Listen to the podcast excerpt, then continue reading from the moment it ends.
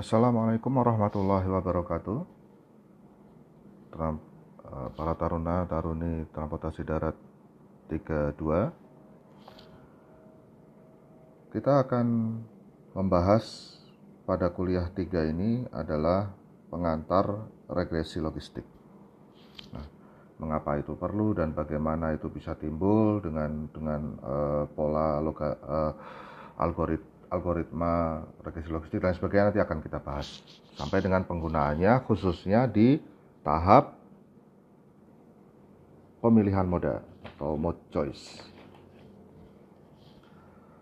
Silakan dibuka eh, materi presentasinya yang sudah saya kirim. Di bagian pertama ini kita melihat ada analisis pemilihan moda di mana jenis analisis ini adalah ada analisis agregat dan analisis disagregat. Agregat. Kalau agregat itu sifatnya kumpulan bersamaan. Kalau disagregat itu dia terpecah-pecah. Nah, ini di sini tampak bahwa agregat itu sifatnya analisisnya sifatnya zona, jadi berbasis zona. Area. Seperti itu. Seperti yang sudah kemarin saya berikan. Nah, kemudian kalau disagregat, nah ini nanti yang akan kita bahas, yaitu lebih kepada personal. Jadi kepada perorangan, analisis perorangan, bagaimana pola dia pemilihan modanya. Nah, memang di analisis pemilihan moda ada dua, yaitu berbasis wilayah dan berbasis personal. Nah, pada tiga slide ini saya hanya mengulang saja menyampaikan yang berikutnya ya, bahwa ini yang contohnya pemilihan moda berbasis zona. Analisisnya selalu berhubungan dengan eh, penduduk, ya kan, area seperti itu. Yang pertama ini adalah hubungan antara pemilikan kendaraan per seribu penduduk dengan perjalanan per hari dengan angkutan umum. Selanjutnya yang kedua adalah hubungan antara e, jumlah orang per luas area dengan perjalanan menggunakan angkutan umum per hari per seribu penduduk. Yang berikutnya, yang ketiga, ini adalah analisis zona juga, yaitu hubungan antara urban travel factor dengan transit mode split. Nah, dengan kondisi urban travel factornya sekian, maka eh, kecenderungannya eh, mode share-nya itu sekian persen dan lain sebagainya. Nah ini penting angka apa? Ini adalah model-model analisis penting untuk yang sifatnya zona, yaitu agregat keseluruhan. Nah, Kemudian di saat kita akan akan akan beralih kepada analisis disagregat di mana berbasis pada perorangan, maka kita akan membahas persepsi, akan membahas kecenderungan, akan membahas eh, mana lebih sukanya orang itu milihnya apa, gitu kan? Nah, metode analisis yang digunakan adalah logistic regression yang merupakan metode yang powerful untuk model analisis seperti ini. Nah, kenapa saya katakan powerful? Di sini ada apa eh, penelitian terdahulu dari dari apa beberapa orang ya. Jadi dia merumuskan ada lima alasan kenapa logistik regression ini atau regresi logistik ini harus menjadi yang bahkan menjadi yang pertama dipelajari ketika kita meneliti atau menjadi peneliti ataupun bekerja terkait dengan data. Nah, yang pertama ini adalah karena pembelajaran algoritmanya, ya kan, dan itu merupakan bagian dari pipeline ini seperti apa yang udah ada di bawah ini, ini disebut pipeline, bukan pipa ya tapi jalur jalur kerja. Nah ini waktu kuliah sebelumnya yang semester lalu udah pernah saya bahas ini. Grafik ini juga ada. Jadi di sini ada contoh untuk cross industry standard process for data mining. Nah ini dimulai dari uh, business understanding pemahaman terhadap bisnis terhadap permasalahan. Nah di sini lihatlah yang keempatnya adalah modeling. Nah posisi logistic regression ini juga masuk di dalam modeling dan juga dia sebenarnya bisa masuk kepada data understanding. seperti apa data itu kecenderungannya bagaimana prediksinya nanti seperti apa faktor apa yang berpengaruh bagaimana hubungan antar faktor itu tersebut seperti kalian pernah belajar di regresi linier ya kan? Uh, hubungan antara faktor independen dengan dependen. Seperti itu ya. Nah ini. Karena dia memang menempati posisi penting dalam dalam alur kerja. Yang berikutnya karena kita akan kalau kita mempelajari algoritma-algoritmanya, maka kita akan e, memahami jauh lebih baik dalam pemahaman terhadap bekerjanya e, machine learning ini ya semacam pembelajaran e, sistematik gitu ya. Nah, terkait dengan algoritma, maka log regression atau apa ya regresi logistik itu masuk ke dalam sifatnya classification. Nah, kenapa kok klasifikasi? Ya itu nanti akan kita uh, sampaikan. Kemudian juga regresi yang sudah kita pelajari itu. Nah, itu adalah adalah menjadi kesatuan di situ ya kan dari algoritma. Jadi pola dasar dari algoritma itu ada klasifikasi, ada regresi. Selanjutnya yang ketiga, karena ya dengan logistik regression ini bisa dikatakan cukup lah gitu loh. Seringkali cukup gitu. Makanya dibilang ini sometimes dalam kurung enough. Karena regresi logistik ini adalah powerful algori algoritmanya dia bagus banget. Tapi memang dia banyak kompleks, ya kan? Nah, jadi dia juga bisa membantu untuk menyelesaikan tugas-tugas yang yang apa uh, rumit yang begitu banyak uh, variabel dan hal-hal yang terkait di situ ya seperti itu selanjutnya yang keempat ya memang dia dikatakan sebagai important tool di dalam statistik gitu kan karena secara umum baik itu juga di regresi maupun di regresi logistik ya kita dapat mempelajari, kita dapat mengetahui bagaimana hubungan antara uh, variabel atau fitur-fitur dan kemudian target-targetnya, nilai-nilai targetnya seperti apa. Nah, yang kelima, ini lebih lebih lagi, ke depan uh, itu sudah sifatnya neural networks. Jadi network itu nanti juga setelah kuliah-kuliah ini mungkin nanti ke uh, saya lebih cenderung secara teoritis kita habiskan semua ya antara modal split sama traffic assignment ya. Jadi nanti yang yang yang tengah semester berikutnya uh, kita sudah bisa ya lebih expand lagi gitu kan. Uh, jenis-jenis analisis-analisis. Jadi kita larinya nanti ke arah evaluasi-evaluasi transportasi saja, ya. Nah, neural networks itu seperti jaringan saraf gitu kan. Nah, di mana di sini coba lihatlah gambarnya ini ada input layernya seperti apa, hidden layer pertama, hidden layer kedua sampai dengan output layernya seperti apa, output tanggapan dari sistemnya, pola-polanya demikian rumit ini, kemudian hubungan hubungan networknya seperti apa. Nah, ini dia pola-pola uh, logaritma uh, apa uh, logistik regressionnya seperti ini, algoritma ya, sorry. Nah, inilah beberapa hal penting di mana kenapa kita harus menguasai logistik regression karena memang dia e, terdekat yang metode terdekat untuk menganalisis kehidupan. Pola-pola kecenderungan dan lain sebagainya. Nah nanti akan akan akan kita lihat pada saat nanti latihan hitungan jadi yang sekarang ini merupakan pengantar dulu nanti yang kuliah keempat itu saya akan menyampaikan bagaimana cara menghitung khususnya dengan uh, penggunaan aplikasi uh, software SPSS ya. Karena yang paling mudah itu situ.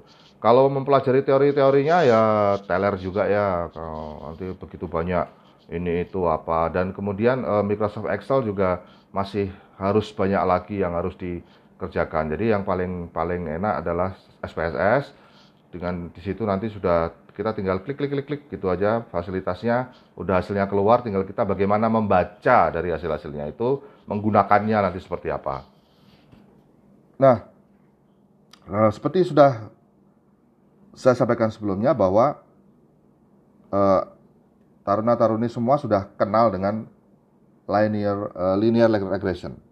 Ya. Yang simple adalah uh, y sama dengan b0 plus b1 x yang multiple ada x1, x2 dan seterusnya xn.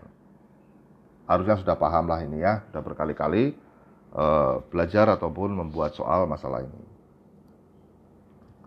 Selanjutnya, logistic regression itu nah ini yang yang yang kanan ini we know this ini adalah pencarian data dengan garis-garis regresi hubungan antara uh, pengalaman dengan gaji.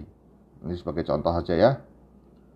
Nah dari berbagai macam uh, dari pendaran atau scatter data ini yang merah-merah plus plus plus plus ini maka dia cenderung seperti ini. Sehingga apabila nanti ada uh, orang dengan pengalaman kerja yang lebih lebih lebih lebih bagus lebih lebih banyak maka dia akan berhubungan salarinya ataupun pendapatannya juga naik. Nah, kita bisa menentukan uh, analisis seperti itu. Nah, lalu logistic regression gimana? Nah, ini yang ini yang baru nih.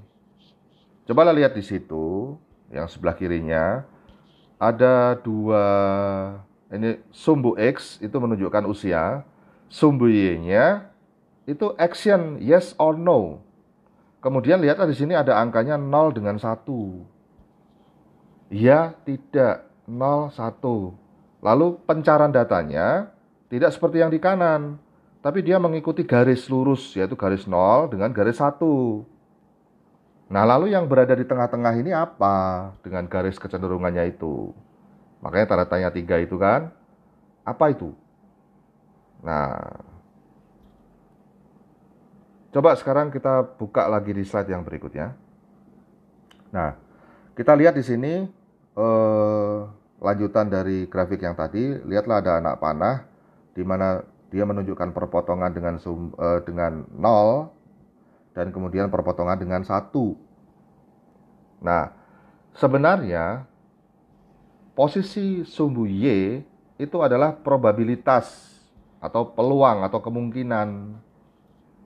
Kalau nol itu jelas biasanya dia dibilang tidak tidak ada action atau tidak memilih. Kalau satu maka dia memilih. Nah, untuk umur-umur ini makin ke kanan, ya anggaplah ini pas perpotongan ini misalnya umurnya misalnya 55 yang bawah ini dia umurnya misalnya eh, 10 tahun gitu ya. Nah, rentang antara 10 dengan 55 ini dia memiliki probabilitas yang berbeda-beda dibanding yang umur-umur itu. Kalau yang umur 10 tahun, dia probabilitasnya uh, dia nol udah pasti nol udah, udah pasti dia nolak naik angkutan umum misalnya. Lalu yang umur 50 5 ini dia udah pasti naik angkutan umum, misalnya seperti itu. Nah, yang rentang usia di bawahnya ini dia punya probabilitas yang berbeda, ada 80%, 70%, 60%, 50%, dan sebagainya. Seperti itu. Nah, ini adalah kita menentukan ya atau tidak, berhasil atau enggak, milih apa enggak.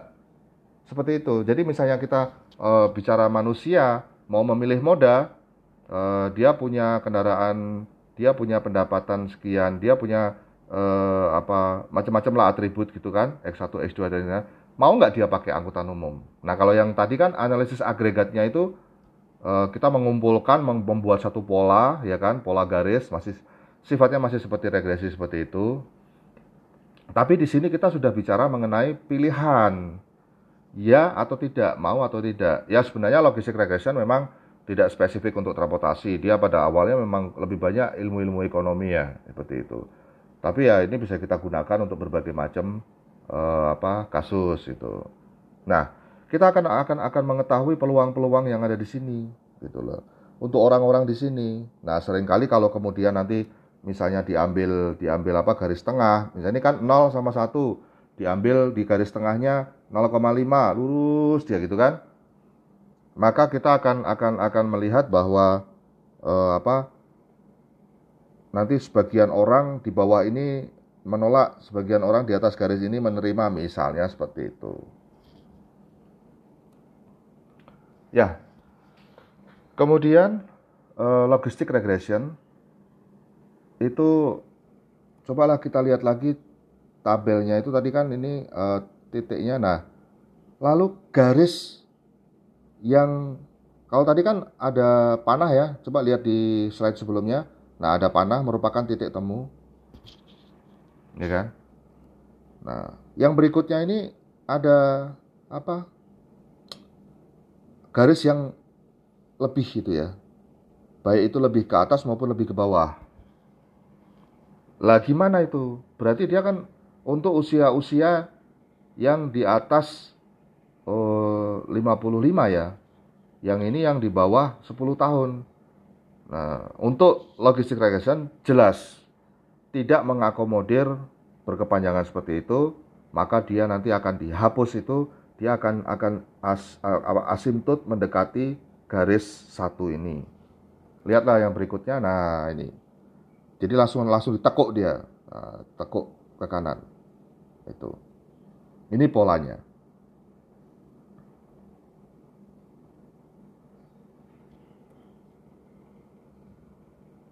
Nah, kemudian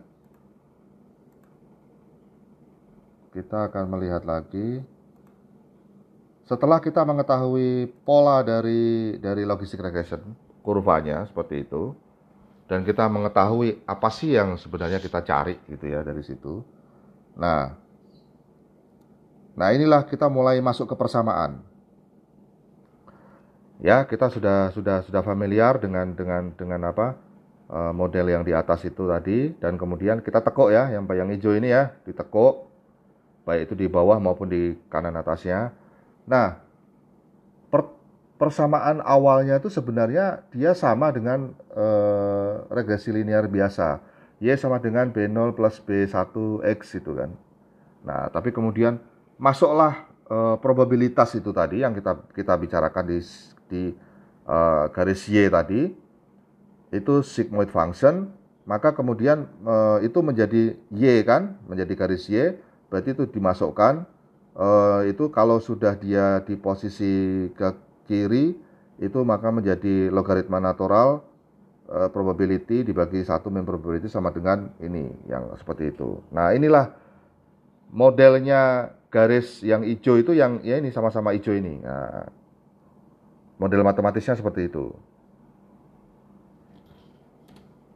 Nah, selanjutnya Nah, ini ya, ya. Jadi kalau ini jadi eh, ini polanya adalah pola logistik regressionnya seperti ini. Di mana eh, ini bawahnya x, kemudian yang atasnya y atau aktualnya seperti apa. Nah, sebenarnya eh, berikutnya setelah ini lihatlah yang ini probability nah itu ini sebenarnya bentuk dasarnya sangat mendasar jadi yang garis Y adalah probability garis X nya itu nilai-nilainya. Nah ini kecenderungannya. Yang tengah hijau hijau tengah itu modelnya seperti itu. Selanjutnya nah lihatlah ini. Misalnya dengan dengan di sumbu X ada nilai 20 30 40 50 tinggal diteruskan aja ke atas.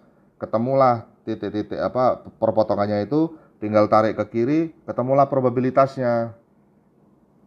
Ya kan yang ini yang 20 ya kan umur 20 0,7 persen. Dia uh, ya hanya sedikit lah saya yang naik angkutan umum. Mungkin angkutan umum lebih banyak diminati oleh orang-orang berusia lanjut. Nah, seperti itu ya kan? 50 ke atas. Nah ini contohnya. Nah, sebenarnya kalau dibilang eh, apa Y aktual ya enggak juga ya predicted itu ya. Nah, makanya kan dibilangnya kan eh, apa? Probabilitas tapi prediksi probabilitas yaitu nah, ini yang dalam dalam eh, presentasi yang berikut yang merah itu Y aktualnya kan dicoret nah, itu.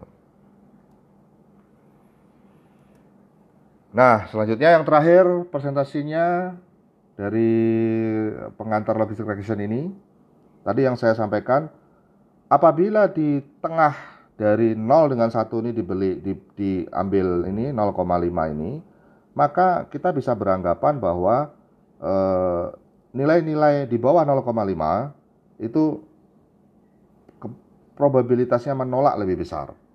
Dan di atas 0,5 itu probabilitas menerima atau ya akan naik angkutannya dia lebih besar. Ya, ini menolak atas menerima. Nah, seperti itu ya. Nah, inilah eh, konsep dasar dari logistik regression di mana ini bisa bisa kita lihat seperti misalnya kalau di perekonomian ya apakah ekonomi Indonesia saat ini maju? Apa parameternya? Dihitung dengan logistik regression. Kemudian eh, apakah penyelenggaraan angkutan ini akan diminati? Logistik regression. Pengembangan jalan juga nanti akan membuat kemajuan perekonomian daerah logistik regression. Banyak hal yang bisa diselesaikan dengan logistik regression tidak hanya pemilihan moda saja. Nah eh, yang kuliah yang berikut nanti akan uh, saya sampaikan bagaimana menganalisis uh, persoalan-persoalan regression. Uh, saya akan ambil contoh tentang transportasi saja, mungkin orang ini naik pesawat udara atau tidak gitu kan, dilihat dari penghasilan, kepemilikan kendaraan mungkin atau apa pun itu. Uh, nanti dia akan uh, seperti apa secara personal itu terhadap pilihan modanya. Uh, ke depan juga mungkin juga kalian bisa menganalisis apabila uh, apakah perjalanan dengan adanya tol ini apakah orang akan lebih suka naik kereta api dari dari Bekasi ke Semarang dibandingkan naik bis gitu kan. Nah, contohnya seperti kita lihat faktor-faktor sekarang kayak perjalanan juga lebih cepat. Kemudian eh, stasiun Bekasi itu hanya eh, dia melayani ekonomi ya terbatas sehingga orang harus ke Gambir. Nah, perjalanan ke Gambir aja udah berapa? Udah satu jam lebih. Nah, sementara kalau dia naik bis itu dia bisa dari Pulau Kapal, dari Cibitung, dari Cikarang, dari mana pun banyak lah ya di Bekasi ini banyak banget. Nah, itu nanti menarik sekali untuk untuk untuk dianalisis itu kan, untuk bisa ini dengan logistik regression. Sehingga nanti eh, apa seperti apa ini pelayanan-pelayanan eh, yang dengan adanya tol nanti eh, persepsi masyarakat pemilihan modanya nanti gimana. Nah, itu bisa dianalisis dengan itu. Baik, sementara itu dulu dipahami kembali eh, apa eh, hal-hal eh, yang sifatnya eh, mendasar dari logistik regression ini sebagai eh, modal untuk nanti kita menghitung, ya kan? Dalam kita menghitung nanti saya tidak tidak akan bagaimana kita membuat grafik-grafik ini sih tidak, tapi saya lebih lebih lebih kepada hal-hal yang praktis saja. Jadi langsung penggunaan SPSS. Jadi eh, bila kalian eh, pengen mendalami, ya tentunya harus secara manual itu bagaimana rumusnya ini segala macam apa ya kan?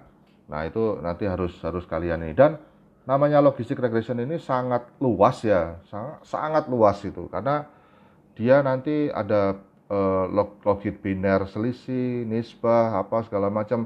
Kenapa bisa disebut seperti ini? Nah rumusnya mendalam macam-macam tidak hanya ini. Saya hanya memberikan basic ya. Penggunaannya ke depan itu dengan berbagai macam e, karakteristik dari permasalahan bisa sangat macam-macam. Itulah kenapa disebut bahwa logistik regression ini powerful dan memang rumit ya. Jadi ya harus tahan-tahan belajarnya itu. Oke, terima kasih. Semoga bermanfaat. Jaga diri baik-baik. Salam buat keluarga di rumah. Assalamualaikum warahmatullahi wabarakatuh.